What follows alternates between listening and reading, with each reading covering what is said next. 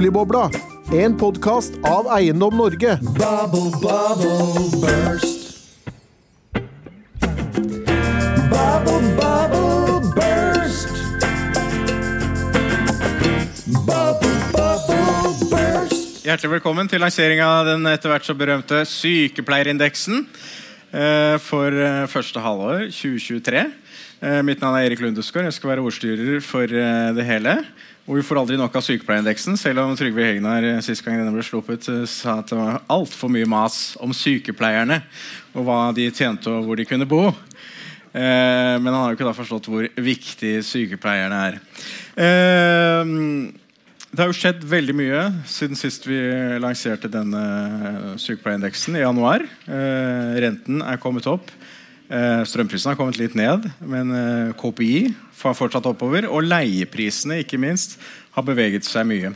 Først så skal vi få en presentasjon av sykepleierindeksens far. Du har tre barn. To virkelige og én oh, ja. sykepleierindeks. Først Anders Lund.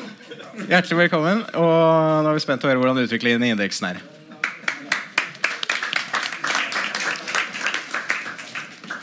Takk for det. Jeg heter Anders Lund, er analysesjef i Eiendomsverdi. Sykepleierindeksen, for de som ikke vet hva den er, den måler hvor stor andel av de omsatte boligene en singel sykepleier får finansiering til å kjøpe. Og hvorfor bryr vi oss om den? Jo, fordi den illustrerer om det er nok med normal inntekt for å få finansiering til å kjøpe en bolig. Hvis det da er en stor andel av boligene de faktisk får finansiering til, så er påstanden vår at da er bolig billig gitt rentenivå og inntektsnivå. Er det en liten andel, så er bolig dyrt, eller er utilgjengelig på kjøpesiden. Og så er det jo påstander om at ja, det er ikke noe menneskerett å bo i, i Oslo sentrum, eller man kan flytte på seg ut osv. Ja, men det kommer med en kostnad.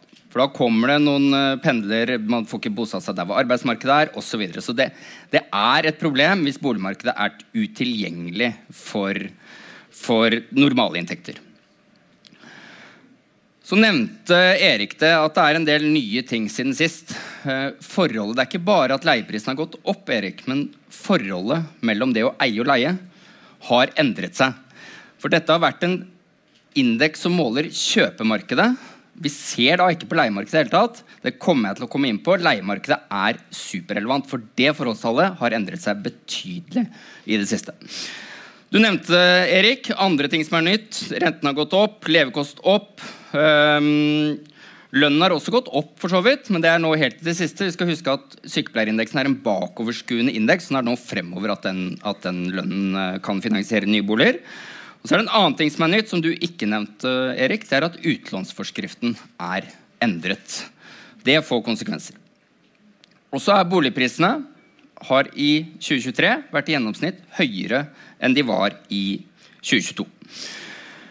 Det jeg tenkte å gå gjennom i dag, det er at jeg viser noen eksempler på hva sykepleieren faktisk kan få kjøpe.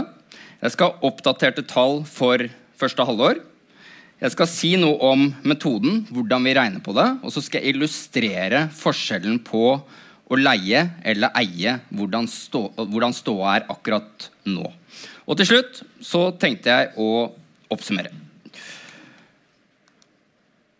Dette er det en typisk sykepleier får finansiering til å kjøpe i Norge.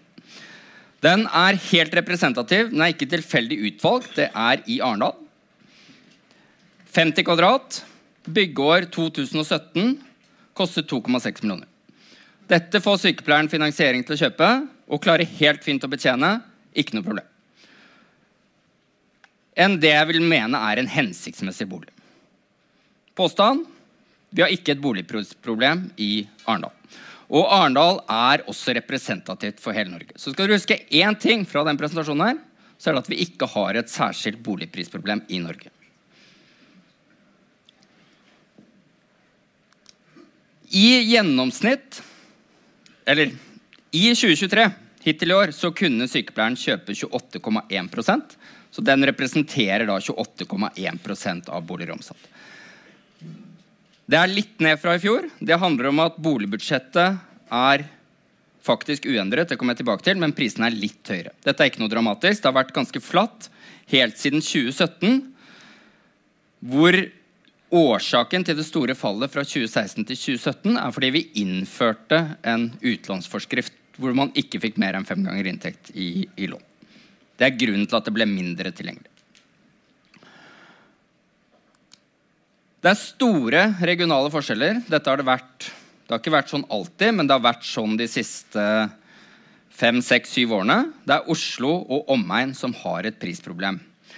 Hvis vi spoler tilbake ti år, så var det ikke et problem i Oslo. Da var det et problem i Stavanger og omegn. Så Det varierer litt over tid, men akkurat nå og de siste årene så har det vært Oslo som har vært utilgjengelig for å få finansiering til å, å kjøpe.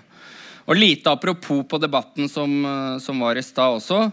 Da vi så tilsvarende tall som det i Stavanger og omegn i 2013, så var det det samme debatten om at ja, vi bygger altfor lite bla, bla, bla. Uh, men så viste det seg at boligprisene kom ned og falt jo for så vidt over ti år. Men med en, med en, dårlig makro så har det boligmarkedet blitt tilgjengelig uten at det har blitt bygget så veldig mye mer. Lite, lite apropos. Uh, dere var så enige i den forrige debatten, så jeg tenkte at jeg kunne tillate meg å være litt uenig. Satt og Kverulanten i meg satt der nede og boblet og hadde lyst til å hoppe opp på scenen og, og diskutere litt med dere. Nå, hvordan har vi, har vi regnet på det?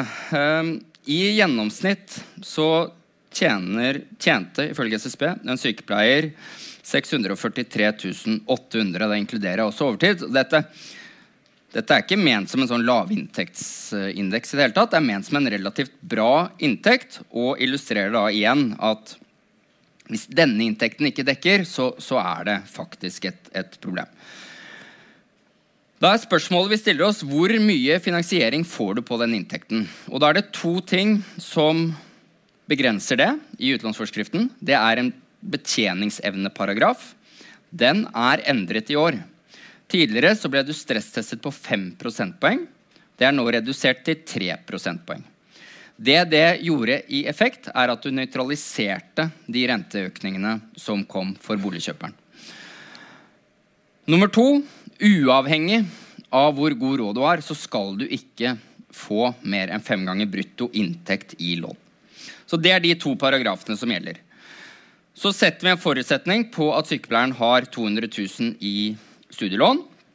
Og Hvis vi ser på utviklingen i boligbudsjettet, hvis vi da tar betjeningsevnen først, så ser vi da per kvartal fra 2020 til andre kvartal 2023 så ser vi at betjening, altså sykepleieren kunne betjene mer og mer lån. Men så ser vi at den toppet seg ut i første kvartal 2022. Og så falt det raskt fordi rentene kom raskt oppover. Men så kom det opp igjen i 2023, ikke fordi rentene ble satt ned, men fordi vi tok bort 2% stresstest. Men det som vi innførte i 2017, og som er begrensende faktor for sykepleieren, er at gjeldsgraden er fortsatt den begrensende. Så maksimalt lån er 3 millioner. Tjener du mindre enn sykepleieren, så vil typisk betjeningsevne være begrensende. Tjener du mer, så vil det være gjeldsgrad som er eh, dekkende. Sagt enkelt, hvis du har 200 000 i lån, nei, inntekt, så får du ikke 1 million i lån. Du får ikke lån i det hele tatt. For det har du faktisk ikke muligheten til å betjene. Så er spørsmålet hvor mye bolig får du for 3 millioner? Vi så et eksempel på Arendal i stad. Annet eksempel hvor det er rimelig. Skien. Dette er 94 kvadrat, midt i sentrum med kvadrat. Igjen en hensiktsmessig bolig. Drar vi til Oslo Dette ser jo faktisk ikke så gærent ut, syns jeg. Eh, den, men utfordringen er at det bildet det er faktisk hele leiligheten. Det er som å bo i, på et hotellrom. Den er 18 kvadrat og har det badet der. Men så er det én ting som, og der vi har kommet fra kjøpsiden fordi de siste årene så har det vært en i mangel av bedre uh, norsk ord en no-brainer å kjøpe. Det har vært helt udiskutabelt. Du må kjøpe. Hvis du, hvis du, får finansiering. For det er mye billigere å eie enn å leie. Fordi altså, renten har vært null. Og da har du nesten ikke noe finansieringskostnad på å eie den boligen. Så hvis du satt, satt, på spissen sånn som det var, så var det sånn at de som bodde i kjelleren på et rekkehus på Nordstrand eller på utsiden av Oslo, de betalte jo alle kostnader for familien som bodde i, i resten av huset. Sånn var det. Sånn er det ikke lenger. Det er ikke lenger sånn at det er en no-brainer at du skal eie kontra leie. Og jeg sier ingenting om hvor boligprisen skal. Det er egentlig u, det er uinteressant i en sånn setting. Det som er interessant, For det vet vi ikke. Det som er interessant, er å se hva er månedlige kostnader for det. Som når du da står nå skal velge om du da skal kjøpe eller leie. Så la oss da regne på hva er det den boligen som, altså Hva koster den boligen? Da har jeg tatt et konkret eksempel i den Oslo-boligen her. Hva koster den meg per måned? Der kjøpsprisen er 3 millioner, så sier jeg rentekostnad, og så må vi gange rentekostnaden med 0,78, for du får faktisk fradrag for rentene. Det er 10 725 i måneden. Og så er det felleskostnader på den boligen på 2009. Og så sier jeg vedlikehold på 1% av kjøpesum per år. Altså 2500 i måneden. Det kommer selvfølgelig ikke sånn 2500 i måneden, men det er kostnaden for plutselig må du ta kjøkken eller bad, eller noe sånt, så kommer det sånn stor chunk. Så det er, det er på en måte kostnaden. Da koster den deg 16 125 i måneden. Og den rentekostnaden der, det er en kostnad. Det er mange som sier ja, øh, betaler, betaler du på banken, så Det er som å betale til seg selv. Det er det ikke. Det er ett fett om du betaler til MB eller om du betaler til Tollefsen. Det er kostnaden. Avdrag er selvfølgelig sparing. Det er noe annet. Men renter er en kostnad. Da leier du av banken. Om du 100% lånefinansierer, så leier du i prinsippet boligen av banken. Du eier den egentlig ikke selv. Altså, på papiret så gjør du det. Men, men og da er spørsmålet ja, Hva får du for 16 125 i leiemarkedet? da? Du kan doble størrelsen. Du får 44 kvadrat. Den her var lagt ut for 15,5. Jeg ringte og snakket med megleren i går. Det var 50 interessenter her, så den gikk, den gikk fort. Veldig stor interesse. Men det er jo fortsatt tusenlapp mindre i måneden, og du får dobbel størrelse. Det er nøyaktig sammenlignet, og det er bedre standard. Og så er da ja, ok, Da gikk den kanskje ikke for 15 år, kanskje den går for 16 år. Han, han har nok priset denne litt lavt. Uh, det er faktisk sånn Nå ser vi at leieprisene går opp, men hvis leiekost og eiekost skal gå ut på det samme, så må leieprisen nesten doble seg fra dagens nivå. Nesten doble seg før det går ut på det samme. Så enten for, og da, da, er det jo sånn faktisk at det er 100% rasjonelt å gå i leiemarkedet istedenfor å kjøpe. Så det er ikke så rart at det er trøkk i leiemarkedet om dagen. Så det er bare et, et apropos. Sånn, sånn, var det, sånn var det ikke, ikke, før. Jeg har også sjekket for øvrig, laget en sånn, Dette er veldig back of the envelope, som jeg bare gjorde nå jeg satt og tenkte Hva er sykepleierindeksen da for leiemarkedet i Oslo? Det er 1000 utleieobjekter per tid på finn.no for under 15 000 kroner. Der er det sikkert litt parkeringsplasser og litt sånn forskjellig. Det er derfor jeg sier veldig back of the envelope. Totalt sett så er det 1900 leieobjekter i markedet. Så det er cirka, la oss si 50 Og det er omtrent like mange nå, også veldig back of the envelope, men jeg, jeg tror det er ca. mellom 15 000 og 20 000 som bytter kontrakt hvert år.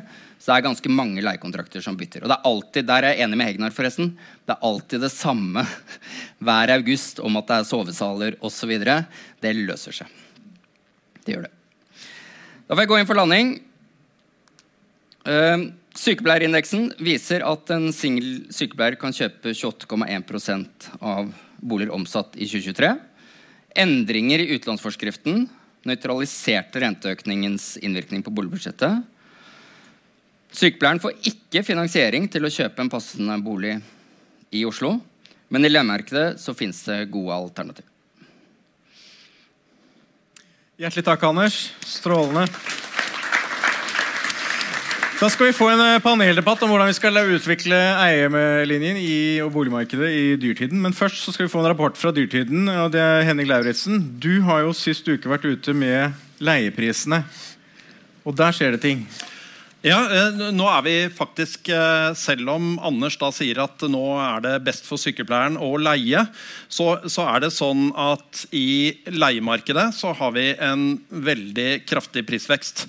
Eh, Oslo var nevnt som et eksempel. Det er ikke lønnsomt å kjøpe bolig i Oslo i øyeblikket for utleie. Og Det indikerer jo at disse leieprisene, om ikke dobles, skal en eh, god del oppover.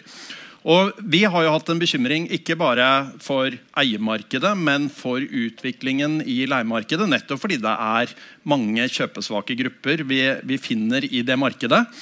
Og at eh, ja, Vi lanserte begrepet eh, leieprisinflasjonsspiral. At vi har noen vekselvirkninger mellom leieprisene, KPI osv. som kan slå tilbake på rentesettingen, og det er en bekymring.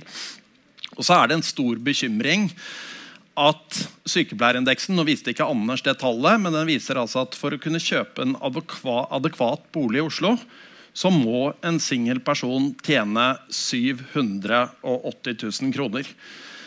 Og det er jo en tragedie. Det, det er en tragedie ikke bare for Oslo, men for hele landet. Professor Are Ost på eh, NTNU Handelshøyskolen i Trondheim han har beregnet at hvis Oslo hadde bygget 15 000 ekstra boliger siste åtte år, så ville vi hatt boligpriser som var veldig mye likere de vi ser i eh, Bergen og Trondheim f.eks.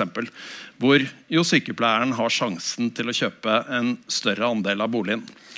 Og en av de tingene som vi også har sett, det er jo at eh, det er ikke bare prisøkningen på bolig og renteøkningene som har svekket sykepleierens muligheter på boligmarkedet. Vi ser jo også at den sterkeste nedgangen i andelen boliger sykepleieren kan kjøpe, den har sammenfalt med den perioden vi har hatt streng utlånsregulering. For utlånsreguleringen er jo veldig grei, egentlig. Eh, den skal sikre hensyn som er viktige for hele samfunnet. Men vi lar jo en gruppe bære byrdene. Er du ikke rik nok, får du ikke lov å låne. Får du ikke lov å låne, så får du ikke kjøpt deg bolig. Så Det er en sånn litt interessant ting. Nå sitter vi jo med finanspolitikere på eh, første rad her. Dette er noe jeg ønsker man kikker på fremover også. Og Hvis vi ser oss litt i bakspeilet, så gjorde jo regjeringen ganske kraftige lettelser i utlånsforskriften ved årsskiftet. Advarslene var mange. Nå kommer vi til å få gjeldsspiraler osv. For noen dager siden så meldte SSB at gjeldsveksten i Norge har ikke vært lavere siden oktober 1995. Og det sier vel kanskje litt. Eh, det er noen ting man kanskje bør tenke annerledes på i den situasjonen vi er i. Før jeg bare gir meg, så må jeg si at en sånn annen bekymring vi har eh, når vi får et sånt boligmarked som det vi har i Norge i dag, hvor vi har noen områder som blir veldig mye dyrere enn andre, så vil jo det også, i tillegg til å kunne være urettferdig for den enkelte, være veldig uheldig for norsk økonomi. Mobiliteten svekkes. Har du ikke råd til å flytte dit arbeidsplassen er, eh, så blir det kanskje ikke den beste matchingen mellom bedrifter og ansatte. Eller så blir det pendling. Og det er klart, det er uheldig.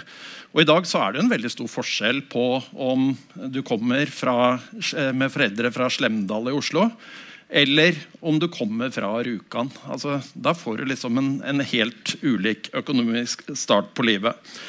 Så det å eh, gjøre noe for at vi ikke får disse store forskjellene, det tror jeg også må være et viktig moment i eh, den nasjonale boligpolitikken. Og så er det mange meninger om ting man kan gjøre, men det tror jeg skal holde til etterpå. Så takk. Hjertelig takk, Henning. Du kan jo bare rykke bortover. Så har vi fått med oss et flott panel. Gi en applaus også. Fra finanskomiteen, eh, Mahmoud Farahman, hjertelig velkommen til deg. Frode Jacobsen, eh, du er fra Høyre, selvfølgelig. det vet kanskje folk. Frode Jacobsen fra Arbeiderpartiet. Og Kari Elisabeth Kaski fra, fra SV, så du tar plass her. Og så vet vi jo det at uh, det er jo egentlig lokalvalg nå. Det er ikke nasjonalvalg. Dere er jo på Stortinget, selvfølgelig. Men er det ett område hvor lokalpolitikken har ekstremt mye makt, så er det jo nettopp eiendom. Og Kari, jeg må jo begynne med deg. fordi at uh, I helgen så fikk jo tror jeg de fleste i eiendomsbransjen de fikk litt uh, kaffen i halsen da din partikollega Sunniva Holmås påsto i Nettavisen at altså flere boliger ikke gir lavere boligpriser. Og du er jo økonom. Hadde hun klarert dette budskapet med deg? det hun sa, var at flere små boliger eh, i konteksten av eh, leilighetsnormen i Oslo ikke vil være løsninga for å få ned boligprisene i Oslo. Og Det er jo en pågående debatt, og det er jeg enig i at det er eh, naivt å tro at hvis vi eh, åpner opp reguleringene som gjelder, riktignok bare for sentrumsbydelene i Oslo, ikke hele Oslo. Og hvis du bygger liksom flere hotellrom eh, av leiligheter i Oslo sentrum, at det vil liksom få ned boligprisene i Oslo, det tror jeg er for enkelt. Så, så der er jeg helt enig med, med, med Sunniva. Eh, og jeg tror at vi trenger en kombinasjon av både lokalpolitikk og nasjonalpolitikk. Nå, det er interessant når du ser de tallene, ja, Nå skal vi jo gå mer inn i de, men jeg tenker at særlig siden det er et lokalvalg, det å se på eh, den, den de, lokale delen av politikken med hva man kan gjøre både for å tilrettelegge for mer boligbygging, men også hvordan man kan eh, bidra til å jevne ut den utviklinga som vi ser nå pga. den økonomiske situasjonen, der det bremses såpass mye på boligbygging. De, konsekvensene kommer vi først til å se noen om noen år. De kommer til å bli dramatiske. Og her tenker jeg at det er en veldig stor oppgave også lokalt da, i, å, i å bidra til at man kan få jevna ut det, både for å bygge eieboliger man kan eie, og som man kan leie. Men, men Frode, altså, sist gang vi hadde lansering, så var jo du her også. Og, og da var det snakk om skatteforlik. Det ble det ingenting av. Eh, mange mener jo boligskatten bør opp. Eh, ikke nødvendigvis alle som er i denne salen. Men, men altså eh, Det er jo tilbudssideproblem her. Du klarer ikke å løse det med, med mer kostnader, i, også i dyrtiden, som bare har tiltatt siden vi var her i januar. Ja, Det er lett for at uh, boligdebatt blir uh, litt sånn uh, sentrert rundt Oslo. jeg, både Karl Lisbeth og jeg representerer Oslo. Jeg satt seks år i Oslo bystyre før jeg kom på Stortinget. Så har jeg jo fulgt behandling av reguleringssaker og sånn i Oslo lenge. Så, men Vi kan gjerne ta en runde på det. Men til spørsmålet ditt i forhold til skatteforlik, så kan man mye sies om dagens regjering, men man har jo ikke man har ikke sittet stille når det gjelder uh, skatte, skattepolitikken. Så når uh, Torvik-utvalget kom, og forslaget rundt, uh, rundt, boligskatt, så følte vi behov for å måtte, få roa det litt ned og si at det, det det er ikke bare, det er ikke bare rot ned, det er jo altså avblåst? Ja, altså det kommer ikke til å bli selv, ja. denne perioden her. Uh, det er sikkert, og det tror jeg på en måte også er, er riktig. Så Eh, så boligpolitikken eh, tror jeg vi må løse på andre måter enn å innføre en skatt på, på, på bolig. Og Der har jo Eiendom Norge og ulike aktører kommet med ulike innspill til hvordan den biten der kan gjøres. og Det er forslag om dokumentavgift, det er å fjerne den og gjøre, gjøre andre grep sånn. Men jeg tror vi skal la skattesporet ligge litt uh, rolig når det gjelder uh, hvordan vi skal løse boligutfordringen. Jeg tror det handler mye om å bygge flere boliger og gjøre det eh, lettere å få bygd. Her har jo ulike regjeringer og ulike kommuner gjort, eh, gjort sine vedtak eh, og gjort det vanskeligere ganske lenge. Men for Arbeiderpartiet så er jo det, selv om vi hørte Anders her si at nå er det no-brainer å leie istedenfor å, å kjøpe, så så mener vi at fundament i boligpolitikken også bør være at flest mulig skal få mulighet til å eie sin egen bolig. Det syns vi også skal ligge fast. Og så må vi ha en ryddighet i leiemarkedet, som regjeringa også har startet på. Så, men igjen, her er det mye å gjøre. Faraman, altså Onde tunger skal vel ha det til at uh, en del av de prisøkene vi har i leiemarkedet, det skyldes din regjering. Erna Solberg startet ballet med å øke beskatningen av sekundærbolig. Det er nå da det vi direkte ser på utleieboligprisene. Det, det kan, Forsvarer du det? Nei, jeg, jeg, jeg satt ikke på Stortinget da, så jeg kan ikke forsvare det, det, man har gjort der. Samtidig så må jeg jo si at det er en balanse der som, som, eh, Frode er inne på. Jeg tror vi skal se på generelt boligprisutviklinga. Hvis du ser på nederst, der sto Porsgrunn Skien. Jeg kommer fra Porsgrunn Skien. Grunnen til at prisene der er sånn som de er, og at 61,8 61 av boligene er tilgjengelige for sykepleiere, er fordi i Porsgrunn Skien så er det bygd sinnssykt mange boliger. Det er bygd leiligheter i sentrum. Det er, det, det er ikke, for sånn, Sykepleierne har ikke råd til de, men folk flytter flytter dit. Så det blir andre boliger. Til og med ut av elva? Ja, til og med ut av, ja, til og med av elva. Elva for å bygge leiligheter. Men, men, eh, jeg tror boligbygging må til. Samtidig så er det sånn utleiemarkedet der har vi jo todelt utleie. Altså det er flere deler der. Det ene er jo de vi ser her. En annen ting er deler av boliger. altså si, enkelt, enmannsboliger som, som, er utleid. Kjellere uh, og, og, deler av det. Og det, det er jo ikke beskatta. Eh, så jeg tror til, tilgangen til, til, leiemarkedet Og jeg er helt enig med deg uh, at leieprisene påvirkes jo av skatter og avgifter. Og det gjør jo så boligprisene også. Øker du avgiftene på noe og skattene på noe, så vil det veltes over til noen. På, på noen. Uh, og jeg tror ikke det er sporet å gå hvis vi skal gjøre flere boliger tilgjengelig for sykepleierne. Jeg tror vi må se på å bygge mer. Og så har vi en annen diskusjon her som går på lokalpolitikken, og det er jo eiendomsbeskatninga. Det har jo også en innvirkning på hvordan bolig, både utleiemarkedet og boligprisen. Hmm. Bare, en ting jeg glemte å si som jeg synes var litt rart at Anders ikke nevnte, eller Henning også, i forhold til leie, leiemarkedet. De siste to åra har Norge tatt imot eh, nå kanskje 80 000 mm. flyktninger fra Ukraina. Og på en måte Å unnlate å reflektere rundt at det faktisk har også en betydning for leieprisene, ikke bare i Oslo, men i hele landet, syns jeg på en måte vil være en, en, en, feil av oss å ikke gjøre det. fordi det er klart, der har du tatt ut ganske mye av en, en reserve, eller kall det hva du vil. Men kommunene og eh, andre utleiere har en måte gjort en jobb en dugnad for å få bosatt disse flyktningene. Jeg bor på Bøler i Oslo, og rett ved oss er det bygd eh, brakkerigger for å ha disse, ta imot flyktninger. Men i aller, aller fleste så er det, steder så er det tatt i bruk eh, leie, utleieleiligheter.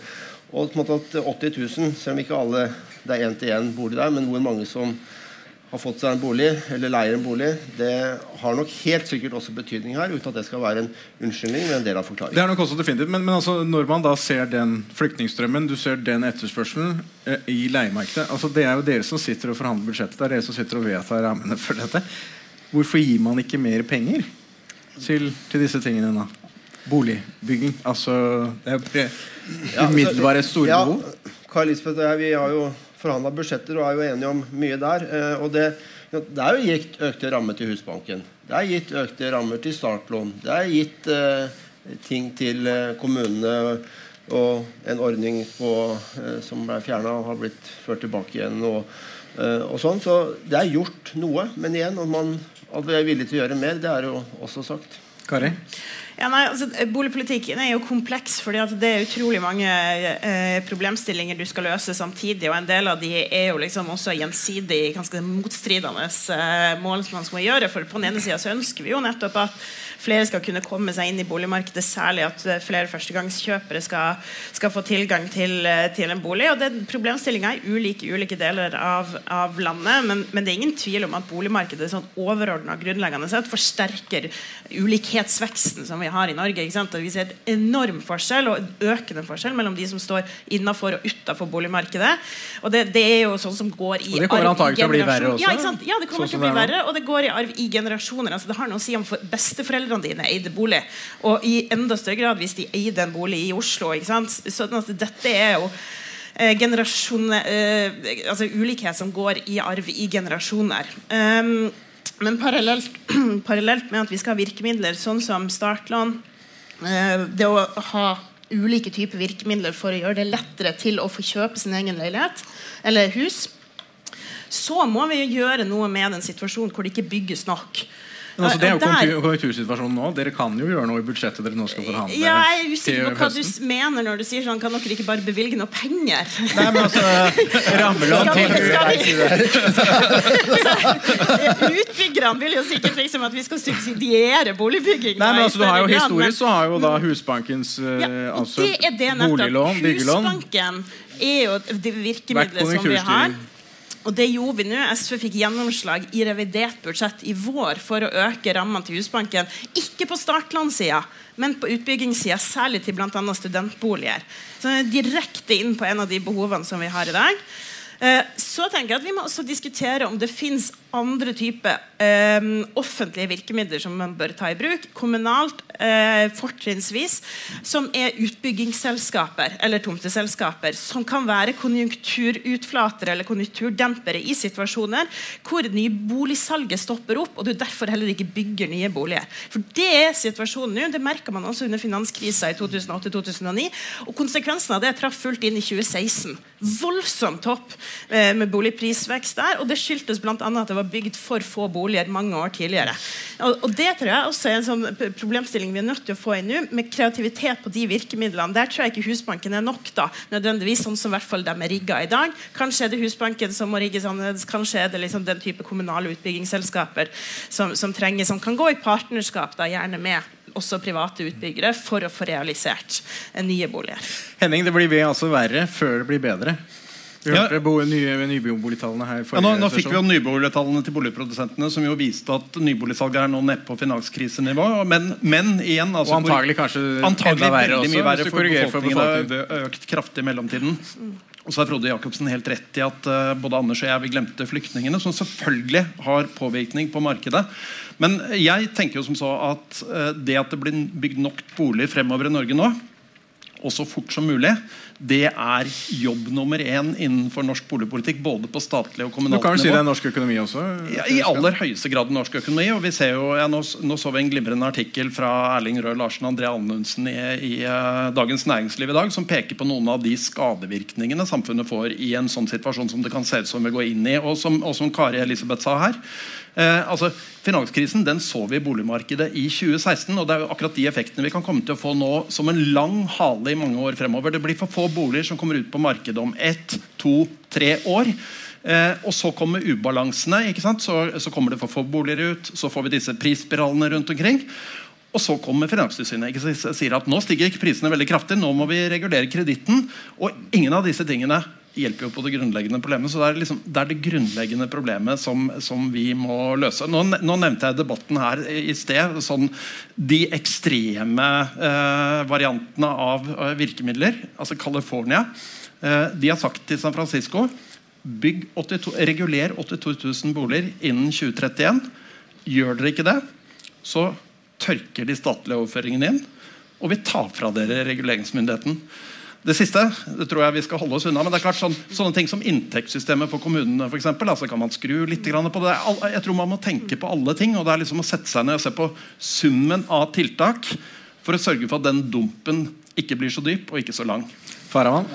Vi, vi, snakker om flyktninger. Vi må også være klar over at de 80 000 som kommer, alle bosetter i Oslo. sant? De sprer seg ut. de er jo da i, i hele landet til å begynne med. Ja, og, og, det som er litt av utfordringa, er at det er vesensforskjell på utleiemarkedet også i Oslo og andre deler av, av, av, landet. Reiser du til Telemark og reiser du til Vestlandet, så er det litt, litt andre situasjoner og litt eh, distrikt versus by. Men når vi snakker om boligbygging, så var jo du inne på det reguleringer. Altså Kommunene må regulere flere tomter, altså tilgjengelige arealer for boligbygging. Og Det er jo det vi også ser i, i lille Porsgrunn eller i Telemark. også har man jo samme diskusjoner rundt regulering av tomter. Hva skal man gjøre? Skal man drive med eplehagefortetting? Det har sine grenser. altså Hvor mye kan du fortette der? Men det å regulere, ha, ha byggeklare tomter, vil løse en del ting. Og så har vi en annen strukturell grunnleggende utfordring som vi snakker litt lite om. Og det er jo altså greit med statlige selskaper og kommunale selskaper som bygge boliger, men tilgangen til arbeidskraft som skal gjøre det I perioder så har vi tilgang til arbeids, utenlandsk arbeidskraft. Den tilgangen er ikke der lenger. Hvem skal være med å bygge det seg? og Det vil også være med å bidra til prisendringer og prisøkninger. med sannsynlig. Har ikke tilgjengelig arbeidskraft, er innsatsfaktorprisen endra, så vil det også påvirke boligprisene i andre enden. Frode? Nei, det er eh, Spørsmålet om måte, hvor mange tomter som er regulert, og sånn, er jo en eh, sikkert i alle kommuner en, en diskusjon om eh, man regulerer nok. og Jeg tror man må regulere mer. Men vi vet jo fra Oslo så må kommunen gjøre sin del, plan- og bygningsstaten gjøre sin del. Men utbyggerne også sitter jo på ferdigregulerte tomter. Eh, men sikler jo alltid etter å få bygd der de kan tjene mest penger. Sånn er jo systemet. Det er jobben deres også? Og det er jo jobben deres, ja. Men likevel, hvis man da skal se på Skal vi lære litt av tidligere feil, da? Eh, jeg husker jo også 80-tallet. Folk i Oslo, på Grønland f.eks., de eh, forlot jo leiligheten og lot nøkkelen stå igjen og lo, hvem som helst kunne overta hvis du kunne betjene fellesutgiftene. Eh, og du fikk et boligkrakk. Og samme fra 2016. Når du får sånne bolig, boligkrakk eller dramatiske situasjoner, som vi også ser nå, med økte renter og økte kostnader, så lurer jeg på av og til om vi lærer noe. da. For vi vet jo da fra de tidligere rundene som noen av oss husker, at ja, da får du et etterslep. Som gjør at krisa, krisene, krisa forsterkes ja, ja. Eh, gjennom at du ikke du kommer i gang raskt nok med å, å bygge der man har eh, byggeklare tomter. Så min utfordring til bransjen også går på ja, se i Oslo eller se andre steder hvor er det vi nå kan begynne å bygge, og også gjerne bygge rimeligere boliger. Jeg tror det er mye å hente der. Mens debatten i Oslo, som du starta med i forhold til Karl Lisbeth, er jo ja, der skal bransjen på død og liv bygge små leiligheter i de fem sentrumsbydelene, fordi man kan tjene mest penger på det. Ja, men bygg da mindre leiligheter der hvor Karl Elisabeth bor på Kalbakken eller på Bøle, hvor jeg bor. Det er fullt, det er fritt fram, liksom. Bare bygg og reguler, da. Eller reguler og kom med prosjekter. Så skal vi ikke bygge nødvendigvis bøttekott. Vi skal bygge boliger som folk kan bo i, og som er god bokvalitet. Eh, så der mener jeg også ikke la boligdebatten for Oslo handle om å bygge små leiligheter i fem bydeler. Du har ti bydeler du kan bygge små i, men du bygg gode leiligheter som folk kan bo i. Kari? Ja, jeg er helt enig med det som, som Frode sier der. Og så eh, kommer vi jo nå parallelt til altså, det, det, er veldig viktig tror jeg, at boligdebatten ikke reduseres til bygging av nye boliger. fordi Eh, det er naivt å tro at det vil løse utfordringen alene, i hvert fall på kort sikt. Eh, og det vil alltid være en diskusjon om hvordan de ulike effektene er. Altså, under pandemien så var det befolkningsnedgang i Oslo, eller flyttestrømmen snudde uten at det gjorde sånn dramatisk. Slått fort tilbake, da. Ja, det, jo det, men det, det, var liksom ikke en dramatisk forløsning heller i Oslos boligmarked av, av, den grunn. Og, og, som sagt så er det veldig langsiktige trender her som, som synliggjør noe av utfordringa med at det er en sånn sosial ulikhet på hvem som er innenfor boligmarkedet, og hvem som er utafor for. Eh, og, og, og, Derfor så trenger vi jo flere av de der boligsosiale tiltakene og breie dem ut. Eh, som tilgjengeliggjør at flere kan få eh, flere virkemidler da, gjennom leie til eie, gjennom startlån, gjennom delt eierskap for å komme seg inn i boligmarkedet. Og så tror jeg også at vi må liksom erkjenne da, at flere kommer kanskje til å leie bolig på sikt enn det som har vært vanlig. Og Det er ikke for, for å liksom gå imot eierlinja, for den har vært en suksesshistorie i Norge, og det skal den fortsatt være. Men, men det er eh, viktig å huske på at når du ser på liksom, leiemarkedet i dag, så er det jo ikke bare studenter man, eller, eller, for så vidt ukrainske flyktninger. Det er ganske mange andre, også vanlige, vanlige folk, enten det er sykepleiere eller eller andre, og uh, som også er barnefamilier. Uh, og Der har jo ikke vi et oppdatert lovverk i det hele tatt. sånn at når, Det er lett å si på en måte regnestykke, altså sånn, det lønner seg å leie i stedet for å eie. Men det du ikke får da, er jo stabilitet og trygghet over tid. Uh, og det er vi som politikere tenker er nødt til å ta tak i. at når De levekårsutfordringene du ser, knytter seg til den ustabiliteten som er i leiemarkedet. Um, med at man blir tvunget til å flytte ofte, annet. Så det å få plass en ny husleielov som, som, gir bedre rettigheter, både for så vidt for utleier og for leietakere, er kjempeviktig, i, også i den situasjonen vi står i nå. Men Vi må, vi må fortsette litt med, med, det som er premissene for sykepleierindeksen, og det er jo selvfølgelig utlånsforskriften. Altså, Siv Jensen satt på denne scenen her i går på et arrangement i Sparebankforeningens uh, regi og sa at det var den mest krevende, de mest krevende sakene hun hadde vært borti som finansminister. Når skal vi skrote utlånsforskriften? da? Gjeldsveksten er på vei nedover til bunns. Og altså da renten er på vei til topps. Jeg tror vi skal være veldig glad for at vi har den utlånsforskriften sånn som situasjonen er nå. Ja. Eh, I, I, fjor så var jeg i en debatt her eh, i dette rommet. Eh, og vi snakka liksom om hvordan var utsiktene for norsk økonomi. Stor usikkerhet. Og jeg tror jo fortsatt eh, så veit vi ikke helt om vi klarer å få til en myk landing, at, vi, at folk klarer å beholde jobbene sine. Eh, men ting kan tyde på at renta kanskje når toppen i løpet av uka. Og at prisene har vi, så vi forrige I løpet av uken, mener du? Ja, ja, så, ja det er jo et rentemøte på torsdag, har jeg sett. Så, eh, så det kan være at, eh, liksom, at vi ser tegn til at liksom, vi, vi, kan gå mot myk landing, og sysselsettingen holder seg høy. Eh, men jeg tror også en del av debatten i fjor var jo sånn at hvordan skal bankene nå agere.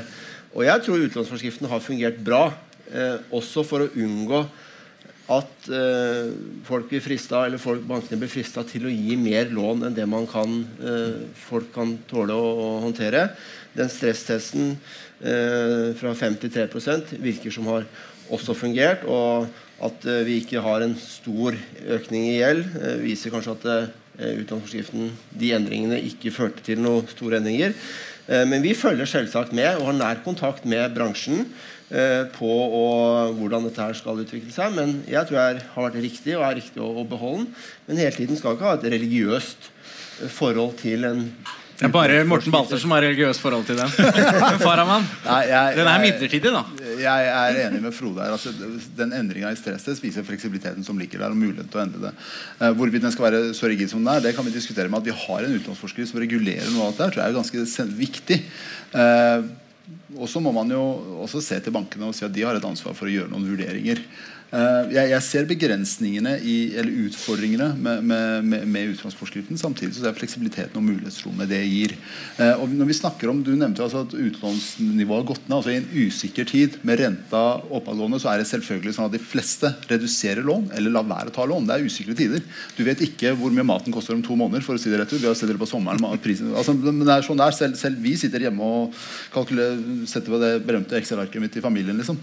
Men, det, det er liksom, men det er realiteten. Det er utrygge tider. Og gjennom de reguleringene vi har, så må vi på en måte klare å skape trygghet. Om vi skal skru til stikka enda mer med utenlandsforskriften, det er jeg overhodet ikke sikker på. Men vi skal bruke fleksibiliteten som ligger der, og legge til, til rette for mer fleksibilitet. Og så sa Kari Elisabeth noe som jeg faktisk er helt enig i. Når folk, altså Vi kan godt snakke om at utleie kan lønne seg kontra det å eie. Men når du eier, så er du også med på en formuesutvikling. Og de færreste bor i, på 18 kvadrat hele livet. De bor der en periode til de har råd til å kjøpe noe annet. Hvis jeg sammenligner det huset min, der jeg bodde med min mor og min søster i 1989, kontra der min mor bor og der jeg bor nå, så har vi jo vært med på en formuesutvikling over tid. Og det er fordi man har eid bolig, kunne ha på en måte brukt det som en sånn sparegris. Og det, det, tror jeg vi skal være klar over. Selvfølgelig skal folk få lov til å eie, leie bolig hvis de vil det, det er, men at folk også skal ha mulighet til å eie bolig, tror jeg er ganske sentralt for å være med på den formuesoppbyggingen. Ja, jeg tror at uh, Når vi diskuterer sånne ting som utlånsforskriften, så må vi også tenke på stabiliteten i markedet. Uh, bidrar den til stabilitet, eller destabiliserer den? Og bare for å ta sånn et lite eksempel I fjor høst så sank boligprisene veldig kraftig. Kraftig boligprisnedgang samtidig med at boligbyggingen går nedover. Mm. Det gjør situasjonen enda verre. Så kom lettelsene ved årsskiftet. Boligprisene gikk tilbake på det nivået de hadde på forhånd. Så Man skal ikke undervurdere virkningene. og så er det klart, Hvis vi ser på gjeldsveksten nå, så altså kanskje den fortsetter ned fra 3,7% altså Den ligger betydelig under lønnsveksten, ligger betydelig under inflasjonen. Eh, på et eller annet punkt må vi si at nå må ikke gjeldsveksten bli for lavt, for da, da dauer jo økonomien. på en måte. Eh, sånn at, sånn at eh, den, den, er jo en regulator som sitter her på toppen av renten. Og Norge innførte jo disse tiltakene, og det var kjempesmart. altså bare for å si det. Men de ble jo innført for å hindre ustabilitet i økonomien, hindre at folk tok opp for mye gjeld osv. Nå tror jeg renten gjør hele jobben alene. Og så kan man alltid innføre dette på veldig kort varsel. Mm. Og så Et sånn lite poeng når det gjelder leiemarkedet. Leiemarkedet er også utrolig viktig for boligmarkedet. Og en av de tingene som jeg håper dere, når dere en gang i tiden får en, en eh, revidert eller ny husleielov, etter hva vi får, det er å tenke på både utleier og leietaker, men også markedsvirkningen av de reguleringene man gjør. Mm. Sånn at man ikke regulerer bort tilbudet. og det er klart, hvis Vi ser på, vi, vi har jo ofte besøk av sånne internasjonale organisasjoner, IMF og andre. Av og til så gir de råd som kanskje ikke passer i Norge. i det hele tatt, Men et av de rådene OECD har gitt, det er jo svekk leietakerens rettigheter for å få opp tilbudet. Det motsatte av det som OECD har sagt ikke ha tre år som minstegrense. Gå ned til et halvt år. Helt ko-ko i den norske konteksten, men, men, men, likevel det er jo en illustrasjon for kanskje hvordan økonomiske forhold virker også på leiemarkedet. Og akkurat det perspektivet tror jeg blir utrolig viktig å få med inn. For det er klart hvis det blir mange rettigheter for de få å få bolig på markedet, så er vi på mange måter like langt. Men Kari Elisabeth, altså Alle samfunnsøkonomer de elsker jo deg. og Vi leste jo i Dagens Næringsliv i sommer professor Magne Moseth sa jo at uh, du var den eneste sanne markedsøkonom blant norske politikere. Det er jo, det, det er jo, det er jo adelsmerke. Men altså det som er jo nytt nå, vil jeg si i debatten som har gått i sommer, det er jo altså at uh, flere av samfunnsøkonomene blant annet Gisle James i Dagens Næringsliv har jo også sagt at utlånsforskriftene begynner å bli et problem når renten er så høy og avdragskravene såpass store med, med realboligpris som går nedover. og inflasjon som går oppover. Mm. Altså at da Nedbetalingstiden i realiteten på et lån på 30 års løpstid er 12. Mm. Altså Det er jo noen strukturelle ting her som er rart, og det må jo du som samfunnsøkonom og alle dine venner være enig i. jeg, har lest, jeg har lest debatten som har pågått ideen uh, om det er egentlig med interesse. For jeg tenker liksom, Det er jo en, en, annerledes situasjon selvfølgelig i dag enn det det var for et par år siden. Uh, men så er jeg veldig usikker på om vi gjør i hvert fall eh, om det vil gi noen kortsiktig positive effekter å gjøre sånn som eh, en foreslo der, da, gitt at man uansett i stor grad, ja, sånn som egentlig de norske lånene er bygd opp, da, eh, så betaler vi nå på de rentene uansett eh, de som i hvert fall har det største trøkket. Eh, og nylig, sånn som jeg selv tatt opp et altfor stort lån rett før renta økte. Um, men når det er sagt Det må du ikke si. Her godt Jeg tror vi skal beholde utgangsspørsmålet. Uh, når det er sagt, så uh, tenker jeg at det må være gående å diskutere justeringer i den utlånsforskrifta. Altså, jeg syns dere i Eiendom Norge tar litt lett på hvor høy gjeldsgraden i Norge er. Altså, Én ting er veksten. Men den er enormt høy sammenlignet med omtrent alle andre sammenlignbare land. Altså, Norge er, ut, har utrolig høy gjeldsgrad, eh, og den har vokst veldig lenge før den nå har liksom roa seg. Og det må vi bare, det bakteppet der, det har vært og er fortsatt en av de største truslene mot finansiell stabilitet i Norge. Og det kan vi liksom ikke ta lett på, tenker jeg. Så eh, må vi jo likevel diskutere om det finnes justeringer der. Og vi i hvert fall fra SVs side har foreslått at man kan øke fleksibiliteten for førstegangskjøpere. Men i stedet eh, stramme inn på kredittgivinga til, eh, til f.eks. de som tar opp lån for, eh, for å investere i flere boliger. Eh, sånn at du kan på en måte regulere mengden kreditt. Det er det som er interessant, også fra vårt perspektiv i samfunnet, eh, men ha større fleksibilitet for, for de som skal inn i, i, boligmarkedet for første gang. Nå er vi 30 sekunder på overtid. Dere mener ingenting om rentebeslutningen, men den kommer i hvert fall på torsdag i denne salen. Så hjertelig takk til panelet, og hjertelig takk til alle i salen. Boligbobla, en podkast av Eiendom Norge. Bubble, bubble, burst. bubble, bubble burst. Bubble, bubble burst.